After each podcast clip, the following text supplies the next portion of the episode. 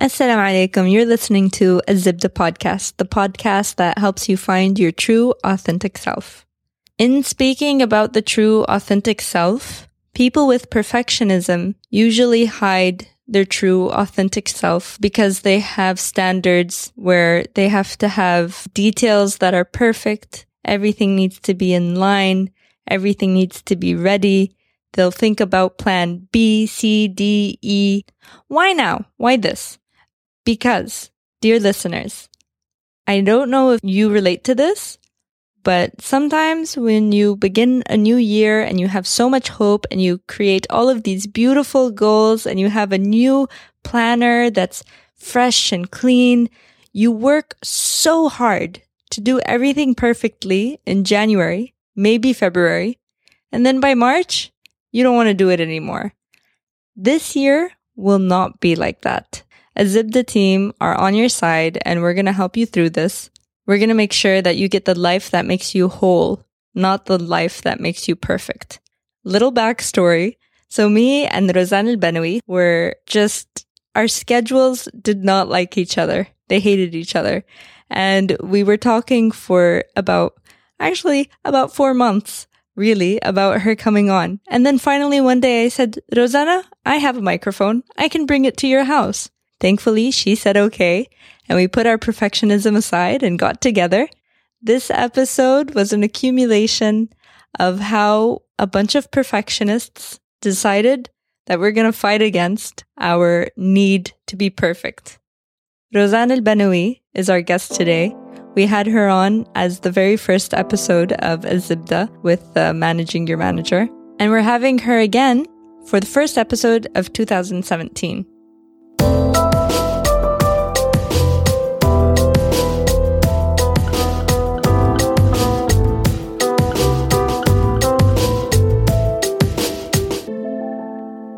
Hi, my name is Khaira and I live in Jeddah. Hi, my name is Dima and I would like to garden this year. Hi, my name is Reneen and I love art. Hi, my name is Rosanna and I'm a mother of three. Mm. Um, when I was a child, especially, uh, mm, I, I had control issues. Like I really wanted things to go a certain way and stuff. When it came to homework, especially, I don't know why I didn't just read the curriculum or syllabus, something would come up and I would create homework in whatever way I thought was best. But again, I didn't have that specific rubric. This is what it should look like blueprint. And I just wouldn't turn it in. I never, it never got so bad where I flunked out of a whole grade. It's just I wouldn't turn it in on time. I'd get a bad grade as time went on. And then finally my mom would just take it from my hands and give it to my teacher. Wow. It was crazy. I never noticed before. What are all these journals? Yeah, these are my journals. Throughout that's your a, life? That's a re- yeah, that you know what? Reading my journals now, it makes sense that I was suffering from perfectionism. It's so interesting because even with with the idea that um, perfectionism exists, for some reason I never finished a journal that I started. Never, I never finished any them. notebook. Like if a notebook is too pretty, I'm worried that my words aren't good enough to put in the paper. It's really, and it makes no sense, but I just have a ton of journals I really love that are completely blank. Yeah, it gets harder when the journal's prettier. You get those Moleskine and beige, the normal one. Actually, uh, it's very interesting. اللي قلتي لي إنه I think I had a struggle between my right brain and my left brain. And growing up, I only gave authority to my left brain, which is where the perfectionism is. فمثلا when my right brain had an urge or to create or to write, I would hold back more and I wouldn't let go.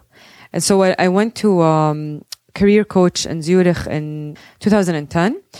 And that's when the OCPD made sense. لأنه she told me, she gave me assessments over two days, like 10 assessments about career, what you're good in, what, all these things. And she's like, the results show that uh, you're two different people. It doesn't make sense. And I was like, why? And she's like, there is this huge side that's so creative and so uh, كده في السحب and and you don't give it permission like the way you give your left brain permission. it's like like my researcher side my analytical side i give it i trust it and i and the other side i'm so kind of vulnerable i don't let it uh, and then that's when things made sense. Then when i went to another retreat to leadership retreat what got in the way of my leadership was perfectionism. So my leader would tell me your impact is affecting everyone negatively and it's usually the symptoms of, of, of like either getting in my head, thinking too much, over analyzing, And the wanting ov- things right. the over analyzing. My right, exactly. Mm. And not letting myself just connect from my heart, which is risking failure, risking being vulnerable, risking being stupid. think someone else. yeah. For that's when it really made sense. Like, okay. So what does it look like? You were saying there's a perfect image in your head. What happens? What does it look like from the outside? So now we know what it feels like on the inside when you don't trust that side of you that takes risks or trust the more impulsive side. What does it look like to other people outside of your head? Like, does it look like you're lazy? Does it look like you're unsure of yourself? it looks like I think uh, foggy. Mhm. So when someone's in like in their head, it's foggy. It's uh, That's how that's how that's how it's inside you. But I'm saying like me as Khaira, if I didn't know you and I didn't know how your brain worked, what what kind of actions would I be seeing from you when it came Yeah, to what would we see? Yeah. like would it I think be, it's more of a, a feeling. Like you would see me. Confused. it didn't affect your daily life, like it didn't It affect did. turning things in or It's a very okay. So being diagnosed with OCPD is very tricky. Why? Because people who, who, who get it, they get masterful in hiding it mm. because it's such an internal process that no one can know about it. And usually the, the person most hurting is the person with the OCPD. Mm-hmm. So others would be oblivious, odd, everything is going normal, but that if person. anything, that person is so like good at all of the outside game. stuff. So yeah. you'd never know, right? Yeah. And actually, I think in societies, they might reinforce it Mm. MashaAllah, like I, I grew up, oh, all my teachers, she's an A student. I was like Al Mithaliya. I always aced everything. Even that word, pleaser. it's right there. You know, Al Mithaliya. Like literally the value, it's called the perfect student. Yeah. Mm-hmm. And I always got that. And I was always like diamond acing, diamond stu- two, the diamond perfect, never partying or doing like naughty, like, it's a bit, we had to, I remember my dad once told me like, Rosanna, try getting a C for a difference. Like just connect with the experience of failing. يعني. Who are these spectacular ga- dads? Even Omnia Zahiri in, in Personal Edges and And it didn't make sense back then. I was like, إيش بو بابا ما هو مبسوط. I'm so a funny. دافورة. That's I'm awesome. still doing all of this and I'm still I not know. perfect enough for it. and I remember like because when I got my first C في الجامعة oh my god like shame and كيف and like my worthiness وكيف I, I couldn't accept it. And then, you know, life, you, you there's failures, everyday life. So I remember his word and I was like, oh my God, you're يا got a C. Mm. And that's why I was avoiding a C by sending my notebooks to my mom because my mom is such an amazing writer. Mm.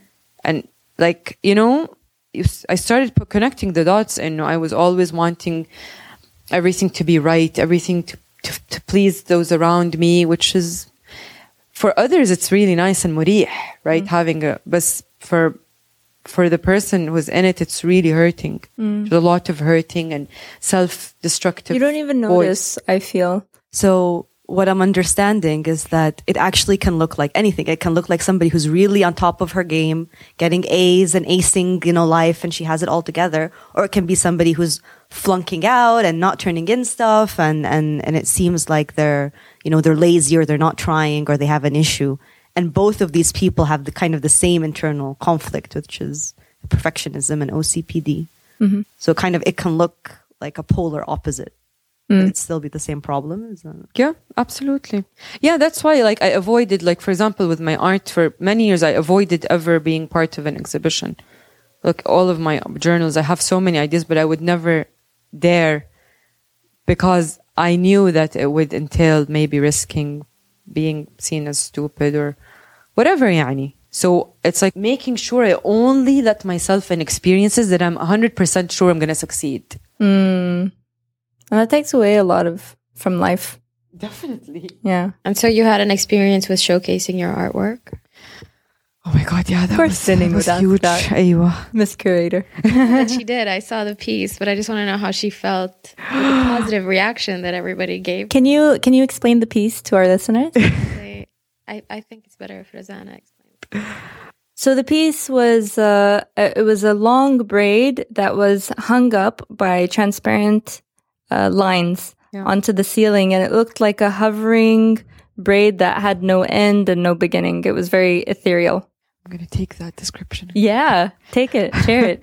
Share the, I think with it was episode. seven meters. yeah, uh, six meters. Wow, it it was really beautiful. Oh my god, that was like it was really like my 2016 resolution that I have to show something from all of these. My my right side. I wanted my right side to show, and I was telling myself like, "Halas, you know, this is it. If, if they don't like it, who cares, yani?" Um, So, what it did was, it when when the person would look at it? What would they be seeing? So it was a piece, a collective piece of uh, 21 women's hair, um, showing how we connect together in times of transition and how our support uh, to one another as women helps us go through different experiences and uh, transcend rather than takes us to a more lonely, more shameful place. Um, so I was working on it over the summer. The idea started years ago because I suffered from trichotillomania as a young girl. Oh, what's that? Uh, it's it's basically an anxiety. Uh, you pluck your like it has plucking hair. And it's an obsessive uh, habit. I didn't even know it had a name until I was a mother. Like I had my first son, and I was like, let me Google plucking hair, and then I had like trichotillomania appear. And I was curious about like women who cut their hair, women who like how our emotions impact our relationship with hair. Mm, especially in this part of the world. Yeah. everywhere, everywhere for women. I think For here, I feel like like my family legit did not let me cut my hair until I got married. This short. Uh, it was a form of rebellion when I shaved it bald. Like that was what, Khaira? You should have done drugs instead, or we should have found you in a ditch. It would have been better. would know you did But isn't it interesting? And it's such a violent act, and even people get these reactions when we do it. Yeah. For hair, like there's a lot of symbology about action, taking control of your life. The most, a lot of the powerful pieces, the art pieces that I saw have have hair involved in them. So when I saw yours, I was like really happy that you experimented with Really? um, with an installation, you know, with an interactive medium rather than just the traditional form of Oh, creating thanks. art. And what's interesting about that when it comes to it doesn't look right enough, I feel like there's no right that it could look. It's floating hair. So how how would that fit a blueprint or how would anybody say no it's wrong? Cuz I don't I don't think that's a normal piece to see in the first place. it's it's incredible because minutes or hours before khalas the I was like oh my god I don't feel it's finished. It's what if people come criticize? What if you know I had images in my head of how I wanted it to be but it was different than my images. Mm-hmm. And then I just decided just to to be with it in that form and to accept that this is the form that it's going to be shown as and let that side take over. Let that and even when people started giving me their thoughts and comments and feedback some had very interesting like ideas on how to build on it but i didn't take it personal. I was just like it's igniting something. It's impacting them. Mm-hmm. And i was so happy about that. As long as it's creating a, a reaction or something i was yeah, I'm glad. Mm. Um, some even were disgusted by it mm. uh, some were so afraid and spooked you know like hocus pocus سحر وكده so I was like, wow, pe- this this piece is, is is bringing up emotions and yeah, you know. Yeah. So that was like the the positive part. Do you feel like maybe the difference was that the goal was to create dialogue instead of getting approval?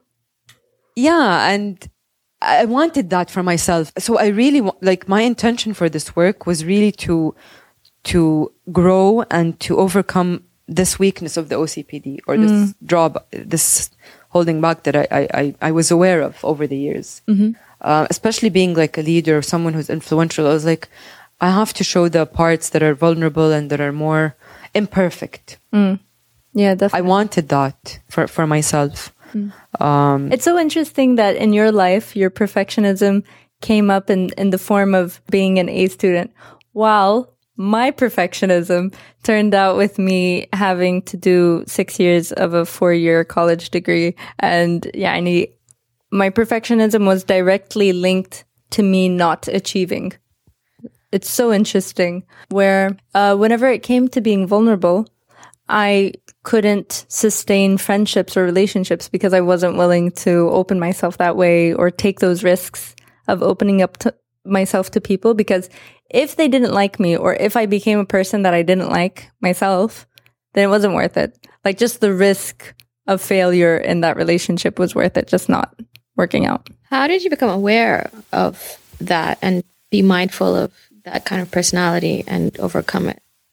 And uh, which which part of it? Just just that I feel like that requires a lot of thinking process. And what led you to believe that this is something that I need to change? Because I'm sure you were pretty you were pretty happy with the way you were when you were, when it was happening.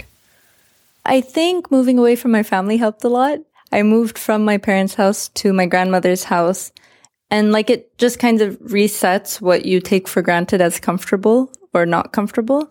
And then honestly, it didn't click that there was such a thing as perfectionism or that it could possibly be bad because in the movies and stuff, everything is perfect. And that is the goal that you should have in theory. So it was when I saw my therapist in 2013 in Oman, she said it and she came at me instead of wanting to give me pills and stuff. For the first time, she said, I think you have anxiety issues and I think you have perfectionism issues.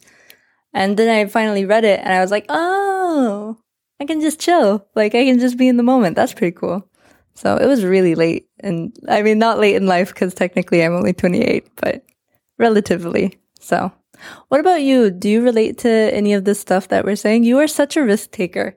I don't think that I'm a perfectionist, honestly. Like I grew up in a household where it's like, you know, you know the what's it called? The participation prize was like loved and it's like, cool, you did it. Like you were part of that. We're proud of you, you know.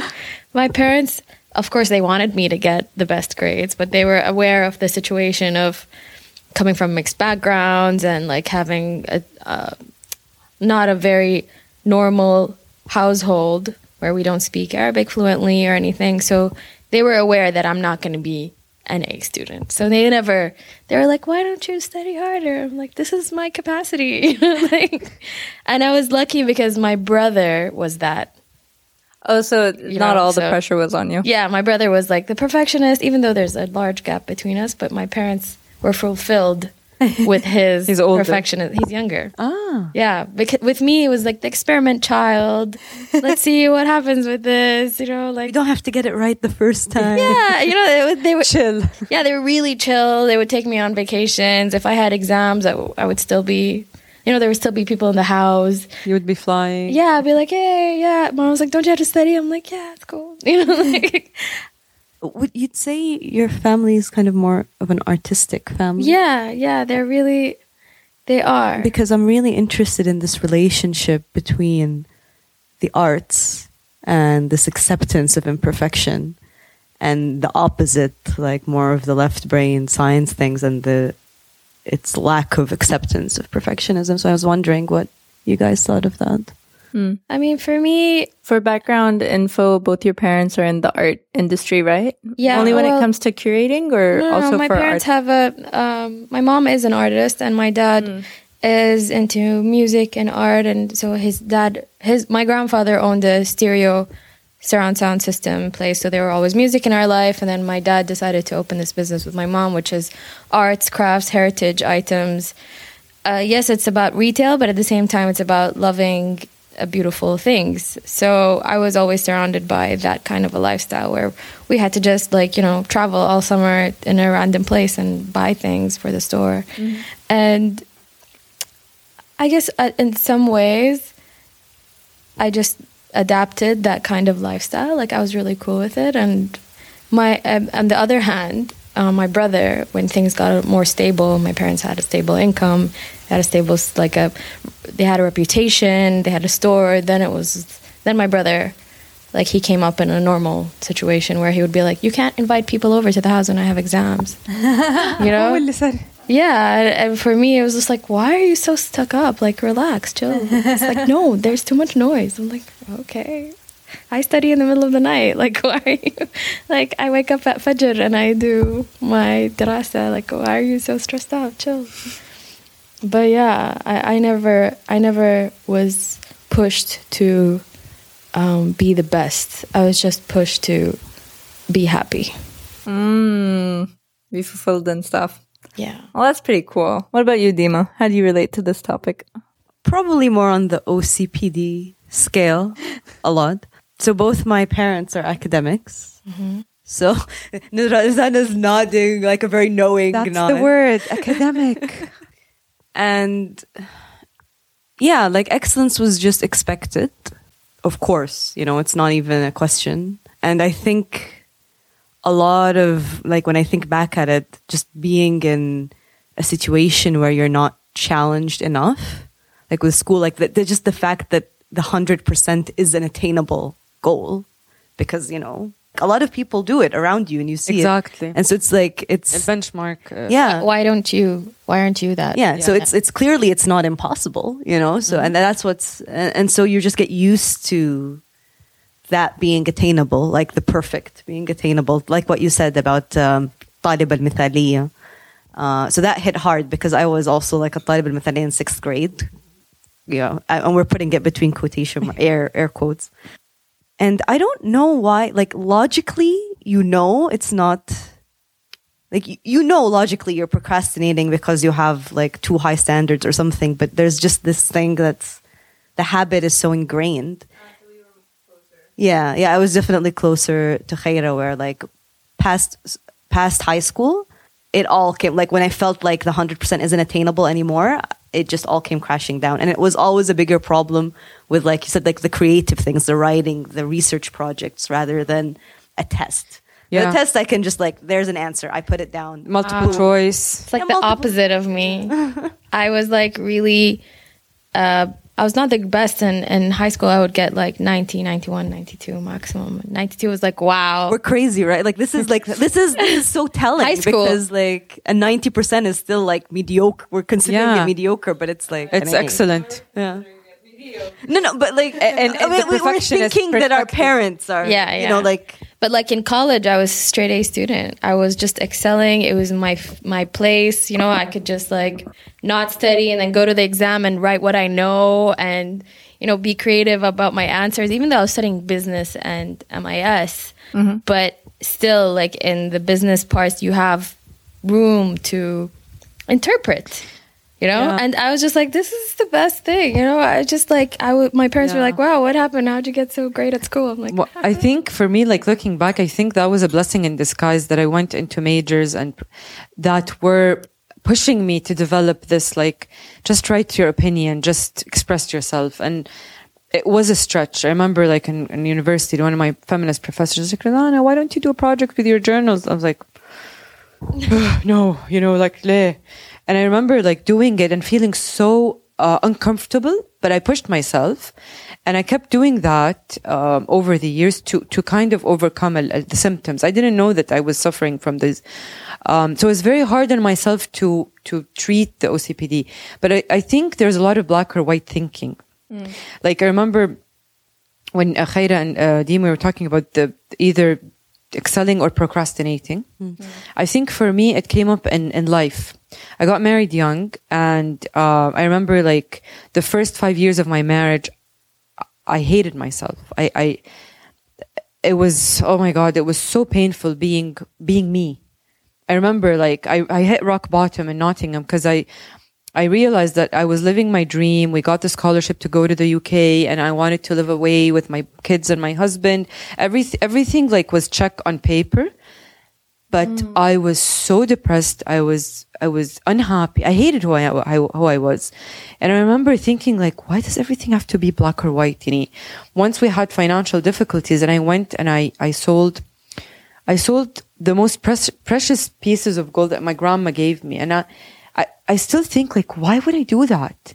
And I think it's that OCP, like either, uh, you know, this or that. It's like black or white. And it didn't come up in my academics, but it came up a lot in my marriage, being a mother, b- being, you know, all these different people. The labels that you have to wear. Yeah, and that's when I knew that I wanted to خلاص I'm I'm fed up with whatever whatever the name was. But خلاص, it was like 2010 and I was like I'm, I'm, I'm just, I have to do something about this. I don't want to live like this anymore. I remember like um, reading Eckhart Tolle's A New Earth. And, and I was like, oh my God, there's this ego. What if this is ego? You know, and كده having names for it. And that's when I consciously started my, my recovery of uh, being a recovering perfectionist. You know, خلاص, يعني, I just, that's it. I don't want to pain. I don't want to hurt myself anymore. Um, but it can come up, I think, in studies or relationships or uh, حتى like in cooking. I remember like if it fails, خلاص, I throw it. Like sometimes you can. There's a middle. There's a middle ground. that wasn't access. That perspective wasn't there. It was. It was either I love that person or I'm not good with that person. There. There wasn't that meeting people midway. I didn't have that, and and that's why I felt so lonely sometimes, and no, because I was causing it to myself. How interesting. I don't know if this makes sense. totally makes sense. Yeah.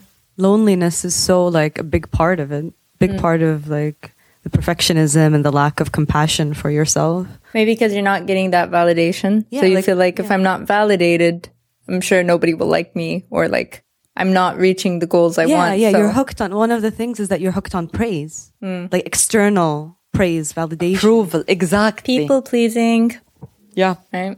and it becomes like the token or mm-hmm. what you're, what I'm always looking for. So And if that's your goal, listeners, if your goal is to please people, let me let me set you right in your life that you need a new goal for sure.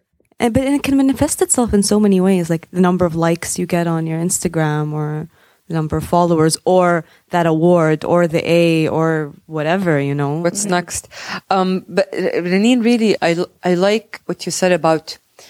Like you think of my kids and the kind of environment I wanna I wanna raise them, and I want them to, like, I remember when my brother had his daughter. I I didn't take them to school. I was like, "Yay, we're gonna go see your new cousin," and I, I wanted I wanted that freedom lil- for the kids, like شوية, letting go of like rules, especially when they're in school. That's really brave of you. Yeah, it, it, it took me, يعني, and kind of understanding why my, because my parents have the artsy side, but I think it was something I developed growing up with divorce and a lot of moving and having to adjust to different cities and different people in my life growing up. So I kind of developed OCPD to kind of bring control back. so what I like in, in your example or the the way your family uh, was when you were younger, and no, it was a balance. There was the stability, and at the same time there was that freedom to stay up late, kind of like having a a, um, a midway. I think in my case it was. Sometimes it was more of an extreme, like waking up and suddenly having having to move to another city and not knowing when I would be back to Saudi. Yeah, so everything around you was chaotic. So you started organizing your life in Exactly, and having that inside you, uh, like to you've compartmentalized certain parts of your brain. to make sense of the chaos. Yeah. So it's like, okay, in my head, it's green. Who cares what's happening out there?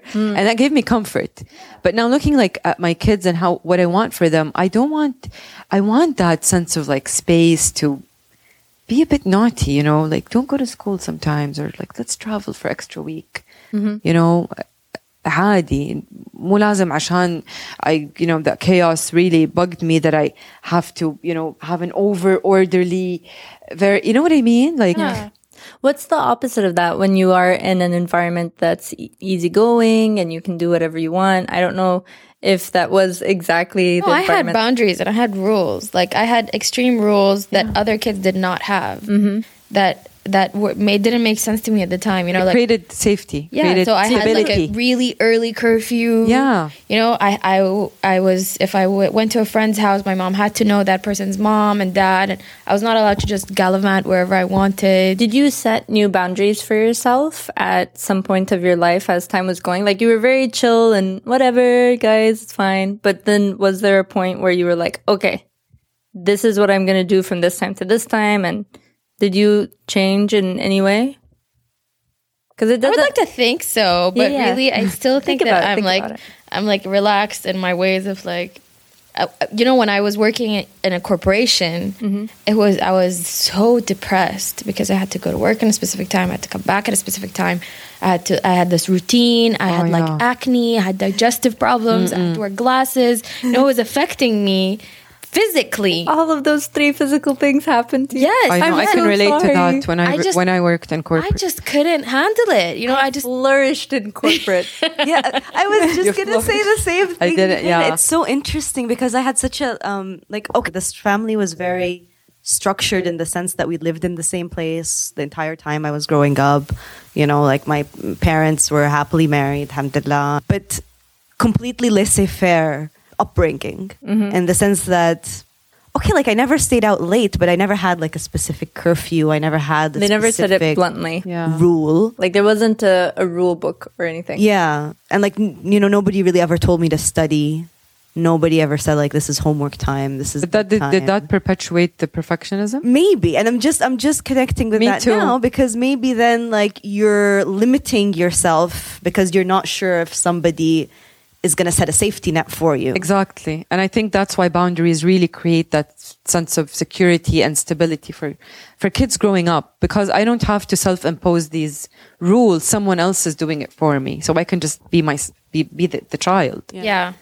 I don't know if that's Yeah, yeah, how definitely. you felt like having those people around doing that for you. Post definitely. You know, Yeah. I'd be like, yeah, you know, that was a really safe environment. And Now you post. yeah, yeah. During it's not During it, fun. it's like sometimes I everybody's feel- out. I know. I feel awful sometimes sending the driver first yani, to pick up my son and Ahmed's like, you know, yeah, I was like, خلاص, خلاص, it's 10 o'clock, he has to be خلاص.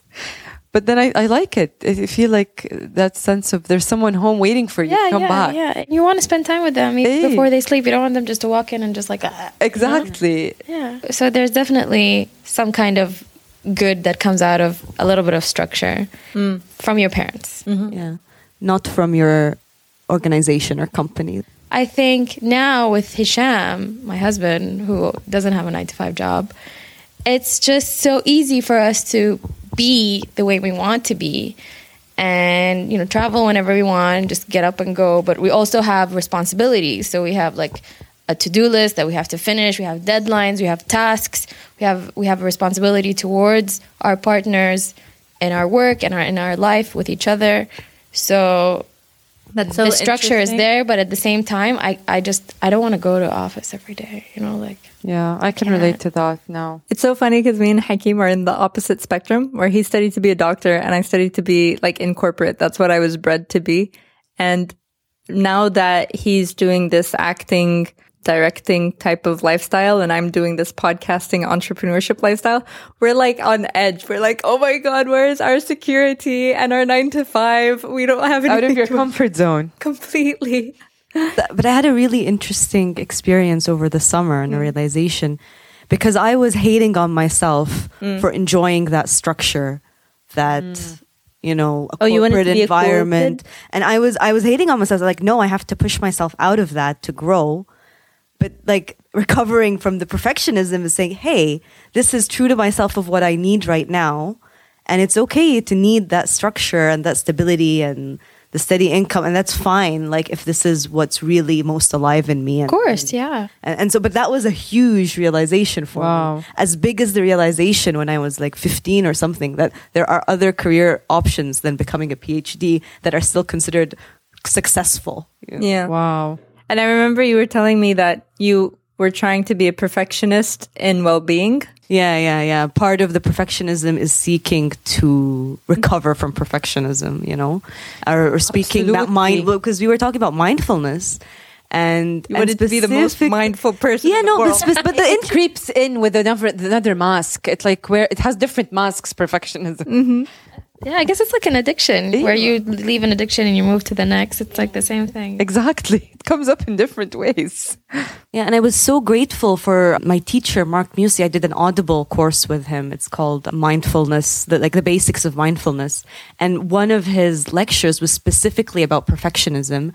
And he said, the reason I'm bringing this up is that so many people I see seeking this like mindfulness, seeking, you know, awareness do have this streak of perfectionism in them that drives them to seek this you know, to grow in spiritual and I get enlightened and reach the new, you know, the higher level of enlightenment. Yeah. So yeah, that was a big, a big moment for me, a big realization. I like how we're talking about the theory of perfectionism, but let's talk about a practical example of how we had to face our perfectionism demons. let's take today for example, where in in theory usually I put pre-show notes for the show for Zibda and we all meet in the studio and we all show up on time and everything is already set up and then we record and I tell everybody for instance to say hi my name is and we go in order and all of that stuff. But today I said no. Rosanna said she couldn't make it cuz she had to stay at home. I said I'm going to bring the studio to you. Did you have to face any demons of perfectionism? Oh yes, I was like, oh my god, they're coming over. Where? How? I woke up at eight in the morning, thinking of the chairs in oh, the room. No, No, it's so wonderful. It feels like I'm talking to my girlfriend. and then I over, just like, I leaned in, and that's something I've been really working. It's like leaning and trusting others, and I mm-hmm. think for me that was a huge stretch. And no, I can trust others. I can lean in. I, I don't have to always be leaning like depending on myself all the mm-hmm. time. So it was like really enjoying. It's like, "Khalas, they're gonna come. They're gonna do what they need to do. I'm just gonna enjoy it. Yeah, we manage. You know, we adapt and. We're, Did you guys feel any different about coming here or changing your schedules or anything Uh, yeah, because it relates to parenting for me. So to I'm get here um, today? yeah, because um, so I'm very background is that I am a very new stepmother, uh, six months in, and this week I'm looking after my stepdaughter. She's staying at our house, and there's so I was putting so much pressure on myself to be the perfect, you know, stepmother. The perfect, fun-loving, chilled out stuff. and yet still organized and structured and giving her safety and you know making sure she does well and feels you know everything the whole package so that's why when i said oh let's do it in the daytime so she's at school and then and then we changed it to 5 p.m. yeah and then i was like oh hmm, i don't know if i can make it. I don't know if i don't want to be here. And then just what you said exactly trusting that her dad has got it you know like he'll, they'll spend time together. The for god's sake it's his daughter you know? Like um but yeah so that was that was like if we're dealing with examples from the past 24 hours that was that was mine. What about you? Guys, I'm really chill. Like, for me, showed up. like, uh, uh, When I showed up, I'll get my totally-. I'm like, looking at Anine when I need to trust again. I'm creating trust from her.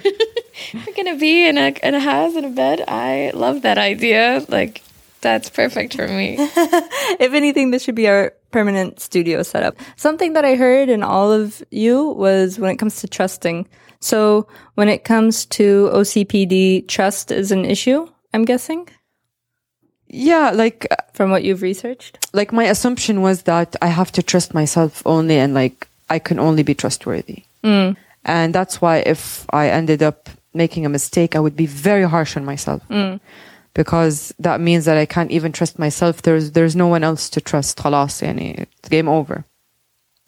So like my my stretch the last 3 years was actually leaning into others and and asking for support and being okay to show that imperfect human side. Mm. And this year, especially like now, I'm going through this experience where I'm on like medically, like kind of bed rest, home rest. And it's been such a huge stretch out of my comfort zone. And no, do it yourself? No.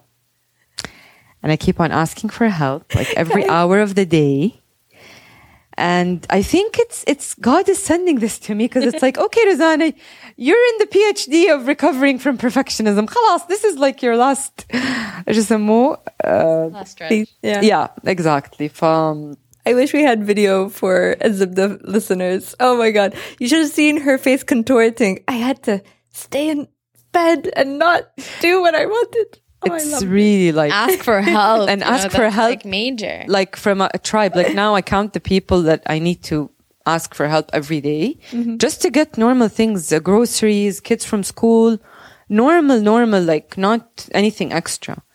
And it's like more than 15 or 20 people, which is shocking because I think it takes me to the realization that You do a lot.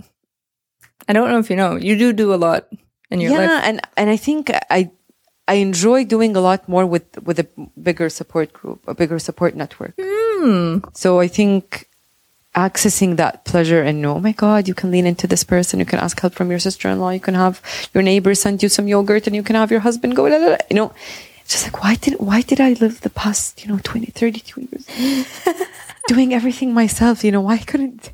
Where was this experience? I don't know. So I guess it's like an exercise in delegation, being a good leader.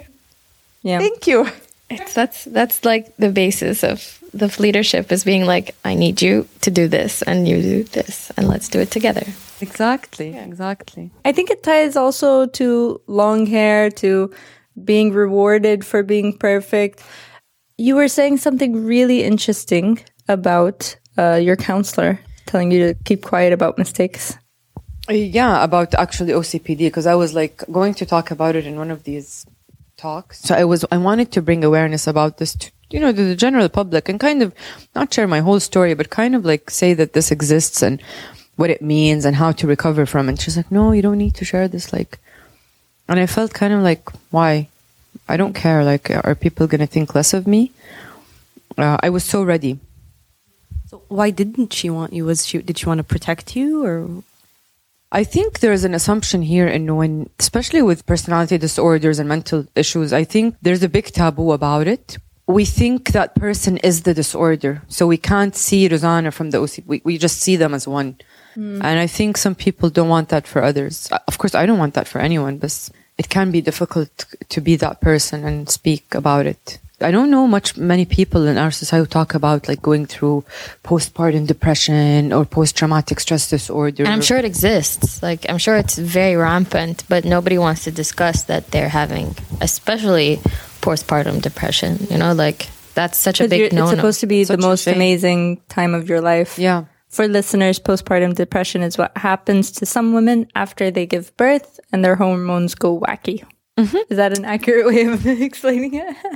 yeah and i think it also with like leaders like when i did research about you know steve jobs and i found that a lot of amazing leaders around the world have some side of you know any personality disorder it's fine so i think in our society if that person is someone who's influential or they're an inventor or an, someone who's you know doing big work that's even like bigger taboo or yani, you know this person you know th- we hide that we want to hide, hide that the do vulnerability. you think it Yeah. helps to have role models who you know are imperfect? Mm.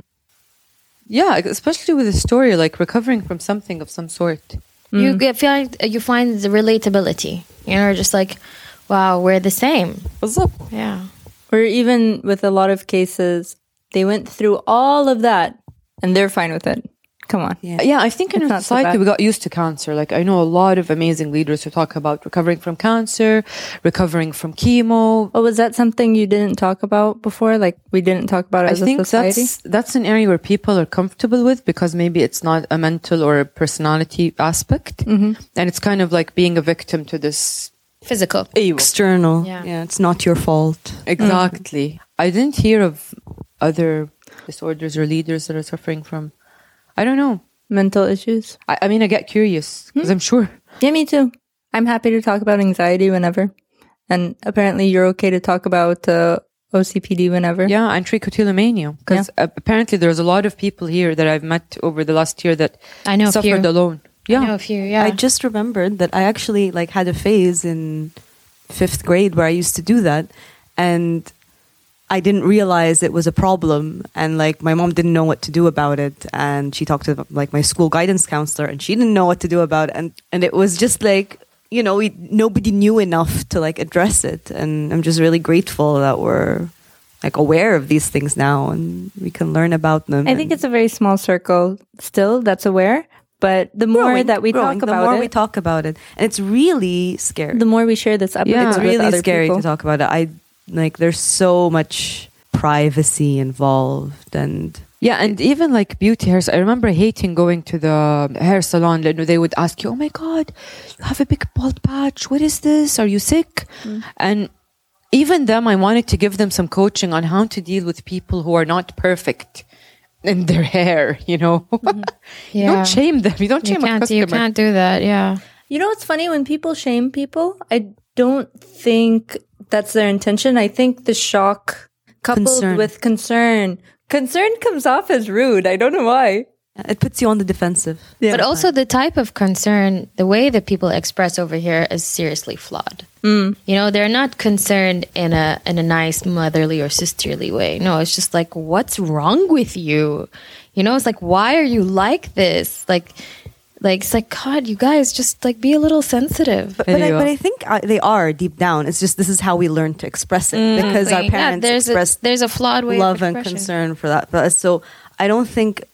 I think really when you listen to it deep down, there is the concern, the motherly concern from people who are like that, but or or it's touching something in them that they're scared of in themselves. Um, But but yeah, it disconnects. It doesn't connect. What else happens in our culture that could be connected to this when it comes to high standards? I feel like sibling rivalry is also a big part of this, of parents saying, why aren't you more like this cousin or why aren't you more like that brother? Yeah. Also masculinity because this like ideal of masculinity of getting things done and not talking about the things that are painful. Hmm. Yeah, part of the patriarchy. Yeah. Yeah. Yeah. We're going to have a whole episode on masculinity coming up soon. That's great. yeah. Wow. I'll get y'all. Uh, we'll, we'll see who's free for that. Once I was doing a workshop about uh, intro to leadership and with a group of like really successful women. And I think like maybe 70% had symptoms of perfectionism. I think in our society, we reinforce perfectionism in girls. We're harder on girls. I think my assumption is we're, we want them to be better. We put higher standards for them. In schools and society, like even when a girl fails or makes a mistake, it's much more. could It's not forgiven. exactly. It's hard to forgive. Yeah, Yeah. you're only I a- think- yeah. Uh, but so what I find sometimes there's this difference where I'm not going to generalize, overly generalize, but sometimes if you are judging somebody by their worst performance or just by their last performance or their, or even their best performance, you know, like so there's always this deficit sometimes with when people are harsh or harsher on women. Like they just remember the the worst performance or the worst incident that happened with them and they like kind of latch onto that and I'll also balance out the picture mm-hmm. by taking a leap and saying, at least me as a woman, I don't help that situation because when anybody does say, you shouldn't have done that, I'll say, I'm sorry, instead of saying, I tried my best. Why would I do that? I say, I'm sorry, I was so wrong. You were so correct. Please, I'll do it a million So times. You're not being again." apologetic. Yeah. So that's the balance I had to find where when I was in that situation, I made it worse and people thought they were validated because they were like, of course, she's saying that she was very, very wrong. I should always get mad at her when she is mediocre instead of excellent. Whereas when you oh. train the people you're talking to and you say, I'm sorry I did this time, I'll do it better the next time. But remember how awesome it was when I did so and so? Yeah. Chill out, man. Yeah, And when you come like that, then it's like, I mean, oh, I okay. agree with you that we really have to be conscious of what Our reactions. our boundaries, hmm. and like what we're and setting boundaries with people so that we don't allow them, you know, to cross them. But I'm gonna push back mm-hmm. and say that part of it is also like take like when you do that, like you're seeing your part of the problem, but mm. you can also be cognizant that the other person is just as accountable and just as. Yeah. responsible for the situation. And this is a huge issue because you want to be accountable, but you also want to like know that Hold the other others person hold the other person accountable to your standard. And sometimes us taking the responsibility on ourselves is an attempt to make the other person feel comfortable. Mm. I will adjust to accommodate your. Yeah. So I don't know if that's like part of.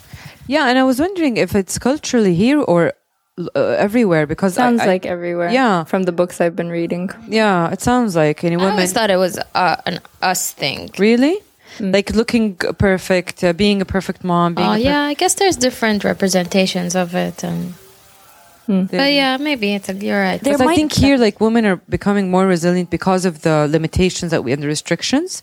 So we grow, we grow up to be even harder on ourselves because we we need to strive. We need to work harder to get a beth or to get approval from our parents to travel and study abroad. So there's always that extra expected effort hmm. to Or just to prove people wrong. exactly. You know, you said I couldn't do it, but here I am doing, and like puts you in a perfectionist mindset. Yeah, I don't know if uh, that's something that I've I've noticed it in uh, with with the, co- with coaching that comes up a lot, especially with leadership, like women in leadership, like CEOs of companies, um, small business owners, um, entrepreneurs. Very there's a lot of perfectionism. And it's a fine line because if so, I would love to hear your input as a leadership coach. What do you do to someone who comes to you and you can tell that their root issue of sadness is perfectionism or trying to strive for a specific standard instead of a high standard? Yani, I, if I would tell myself, like now, for example, uh, telling my clients I'm on maternity leave was a huge stretch. Oh, yeah? Yeah, Why? because I was, I didn't want to be uh, perceived as uh, weak or uh, again as a victim or having this high risk, you know, whatever. And I was really procrastinating breaking the news with mm. them. Mm-hmm. So a lot of my clients didn't even know I was pregnant, mm. you know, and I would like be on Zoom and then suddenly I would have to like, oh my God, I have to tell them like my, my, my birth is in three weeks. you know, the, the impact of that on others is that we always have to look strong and we always have to look, you know, capable and, and, and it's not the truth. I, I can't imagine many other things stronger than growing a human being inside you. I mean, putting it in perspective. Well, that uh, يعني, I, I want to believe that more than I do because when people tell me that, I wish I can believe it the way they believe it. And I see this in my, in my practice, like with like let's say say um, uh, a manager, right? She just went out of her operation, or she's starting to get into labor, and she's in a meeting and staying in the meeting, like and. I wonder why do we do this to ourselves? You know, what, what- what's the motivation? Proving it to me or proving it, and that's what I want to work on, like personally and with my with others, and um, letting that imperfect human side show up when it's showing up. And it's such a vicious cycle, right? Because if these like leaders that we look up to as inspirations never show their weakness, then we think, oh, then we shouldn't be that way. That's either. the impact of it. Yeah. And that's what I noticed. Like even a few of my close friends are like, Rosanna, it's really nice seeing you vulnerable. It's you never show that. You're you're always showing that, you know, I can do it. We can do it. And mm. it's not always the impact that it, I want for younger girls or for wh- whoever. And no, ha- we have to always have it together. We always have to know it. We always, why? You know? Mm. That reminds me a lot of my reaction to being exposed to Reneen. Like now over the past over the past year we've seen each other like a lot, a lot, a lot. Yeah. And because I come from corporate background and all of my friends just happen to be in the same zone, you and my cousin Zahra are the two first people that I got really, really close to that happened to be in the art world. And being able to see you like talking to people, and I know that it's you bonding with people so that you have those relationships for later projects that you have, or like when we met in London and you had class the next day, and it was just, you were so like, yeah, I'm okay. I'm here now. You were very in the moment. And then you'll worry about class when you have to worry about class. Right. Like having exposure to someone like you or someone like Zahra Yeah. just changed my life because I didn't know that was possible. I didn't know that you could be doing something and liking what you're doing without it affecting what you're going to do anything tomorrow. later. Hmm. Listening to you guys, I've realized that I have maybe some kind of like strive for like uh, this is not going the way that I want to because Like, that's why we yes, but stuff. because like listening to you and then thinking about my behavior, I'm just like when things don't go the way I want or when somebody's not listening to me, I just totally ditch. Like I just like oh okay peace you know like go I'm and out. do the thing the way you want it. I'm out and I, I Are you still and- attached to the project or whatever? yeah, but that I stopped taking responsibility or making decisions, and I'm just like, if this is the way that you want it to be, then fine. And it's not How does it turn out? Giving up? I've never done that to give before it's in my a life. little bit of giving up, and I've I've been trying to change that. I've been trying to change it very actively because now I'm working with my family, and so if I want to make a decision, I'm getting lots of nods. yeah, that's Or friends. yeah, yeah. If I want to, if I want to push something or to, or to start something. So, for example, I told them we need to do rebranding, and they're like, "Yeah, okay, sure, blah blah blah." And I chose somebody, and I did the research, and we did everything, and then they just just kept changing it back to their kind of way, and I'm just like, "No, we need to be new. We need to be now. We need to be 2016," and just like, "This is what we want." I'm just like, oh, "Okay, then." And then they're just like, why aren't you involved anymore? I'm like, because you took over and you stopped listening to my opinions, and, problem I'm done trying to convince you guys. Can I can I ask you? Do you smile like that and say it that way? Because I would take it as like, oh, okay, she's okay with it no, 'Cause, like, it's the like it's like disaster smile. for me. You know, it's just like internally or oh, done. even externally. like you yeah, seem annoyed. yeah. I'm just stuff. I'm very annoyed, and then I just I'm just like you know what, you guys just do whatever you want. You know, I'm just I'm I I'm, I'm over it. It's you just reminded me when when Zahra was here, having Zahra working with her on my art project was therapy for me because she has this really letting go and trusting. Yeah. And my, the gifts of my OCPD with her was like following up with her, updating her with my steps, what's happening. So she loved like she's like يا رب يا ريت كل الارtists زيك يا ريت كلهم they they update me of every small change they're gonna make. And I I saw how she was like struggling with others and. I was like, wow, like how how do you guys manage that? really difficult. It's difficult really because- tough because you have to be that person who's just like, what's happening? What's happening? What's happening? What's Exactly. happening? And that for me is so natural, by the way. يعني كانوا يسموني رزانة زنانة. Like I can call you every hour and أطفشك. I have this uh, skill, but, but it comes with, I think, mm, perfectionism. And I, I don't mind. we فهمتي? make great project managers. I feel. Yes, because it's tedious. It's عرفتي it's so كده left, left brain. I'm just like Rosanna. And it's so I'm gonna تروح حرميكي عليهم. and then it's so hard to deal with the people who are the opposite. Um, اللي in that زينا. situation. طبعاً. Who are who are no, I mean like okay, so my husband Ahmed, he's very organized and punctual. It's the, the Swedish part of him is very alive. but he works a lot in the creative industry. Like he produces and, Ah. and manages manages creative types. So he like frequently they like Oh, like, and these especially- creatives. And not even creatives, Saudi creatives. Yeah. Like Yeah, our time yeah, management yeah. is not something to write home to. Uh, you guys, today I was doing a risk mitigation schedule Uh-huh. about, table about what Could the go wrong. risks of doing this giant art show. This is the first time I'm doing it. This is the first time like this British instructor is coming to tell us how we're supposed to be organizing art shows. and like one of the section was dealing with quality and time management of Saudi artists. Whoa. And Maybe just a section. Wow, And that was says a lot. I was like, yeah, it's like medium to high risk. I was like, wow, that says a lot about like the way we function. Yeah, so I think there is uh, there's always a gift for everything, and I think that's some the gifts of of, of, of perfectionist people.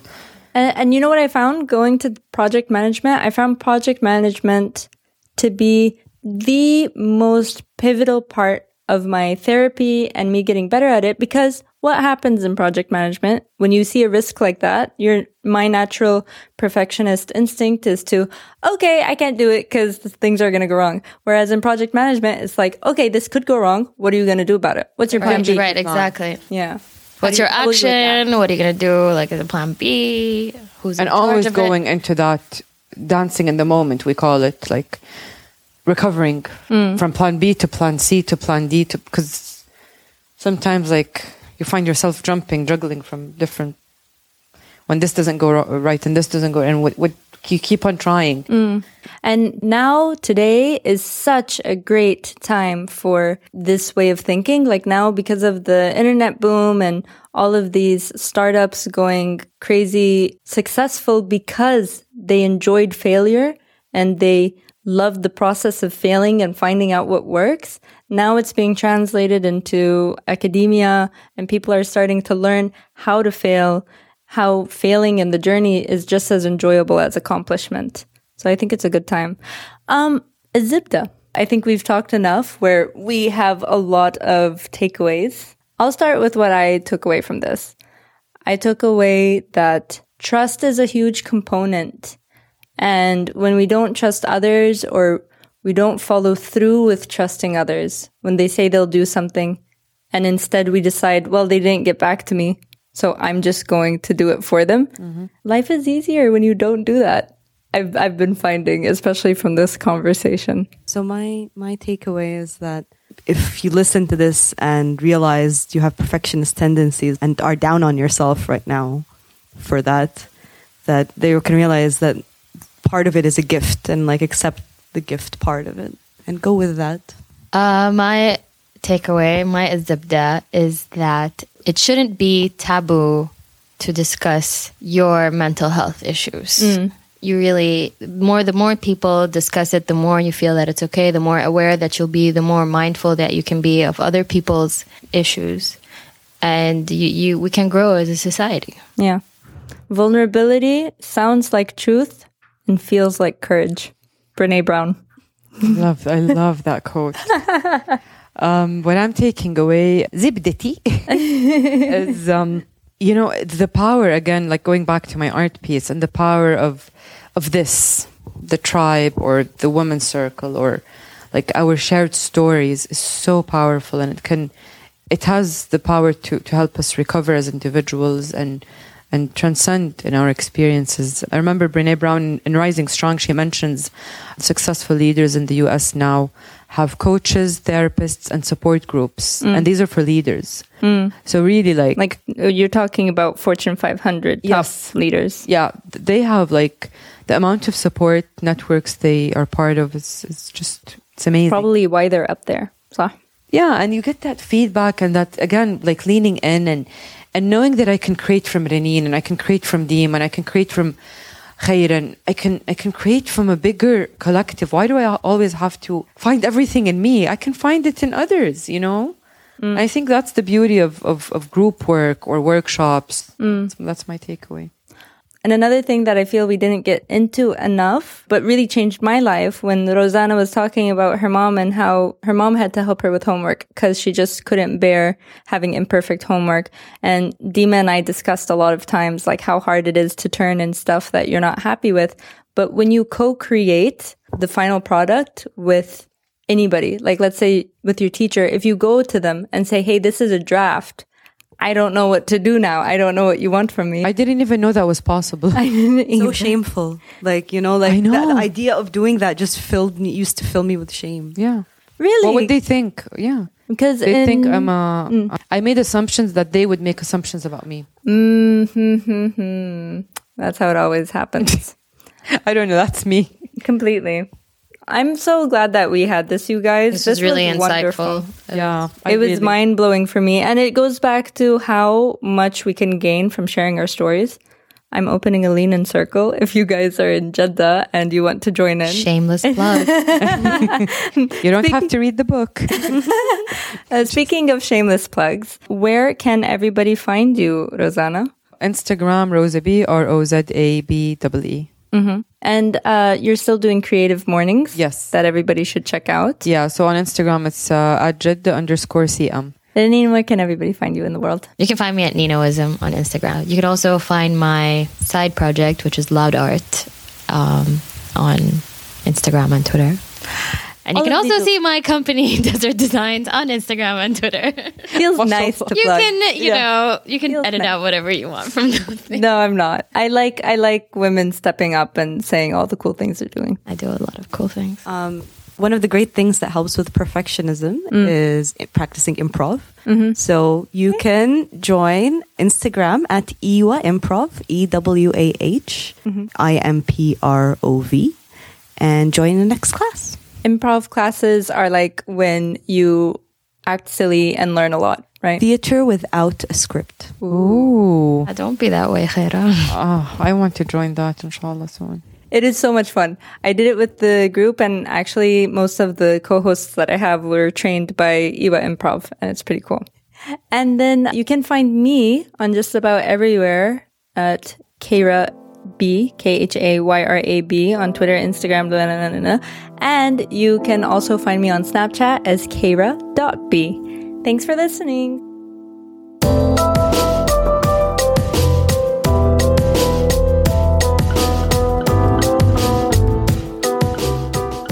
شاركوا الحلقة مع أهلكم وأصحابكم ولا تنسوا تتابعونا على تويتر، إنستغرام وفيسبوك على AZZBDA تقدروا تسمعونا على ساوند كلاود آيتونز ستيتشر وباقي البودكاتشرز ولأننا جزء من شبكة مستدفر تقدروا تلاقونا وتتواصلوا معنا على mstdfr.com حنحب نسمع آرائكم واقتراحاتكم فراسلونا على azzbda at mstdfr.com الزبدة at مستدفر.com You can find us on Instagram, Facebook, Twitter as Zibda, A Z Z B D A. Please follow and like us and tell everyone you know about us. Get them to listen on iTunes, SoundCloud, Podbean, Stitcher, and any other podcatcher. We are a proud member of the Mustadfir Network. You can find them at mstadfir.com. M-S-T-D-F-R.com. Get in touch with us. We love your guests and topic suggestions. Guests in Jeddah are easier, but we can make anything work. Email us directly using azibda at mustadfir.com. We're now a bi weekly show, so see you in a couple of weeks.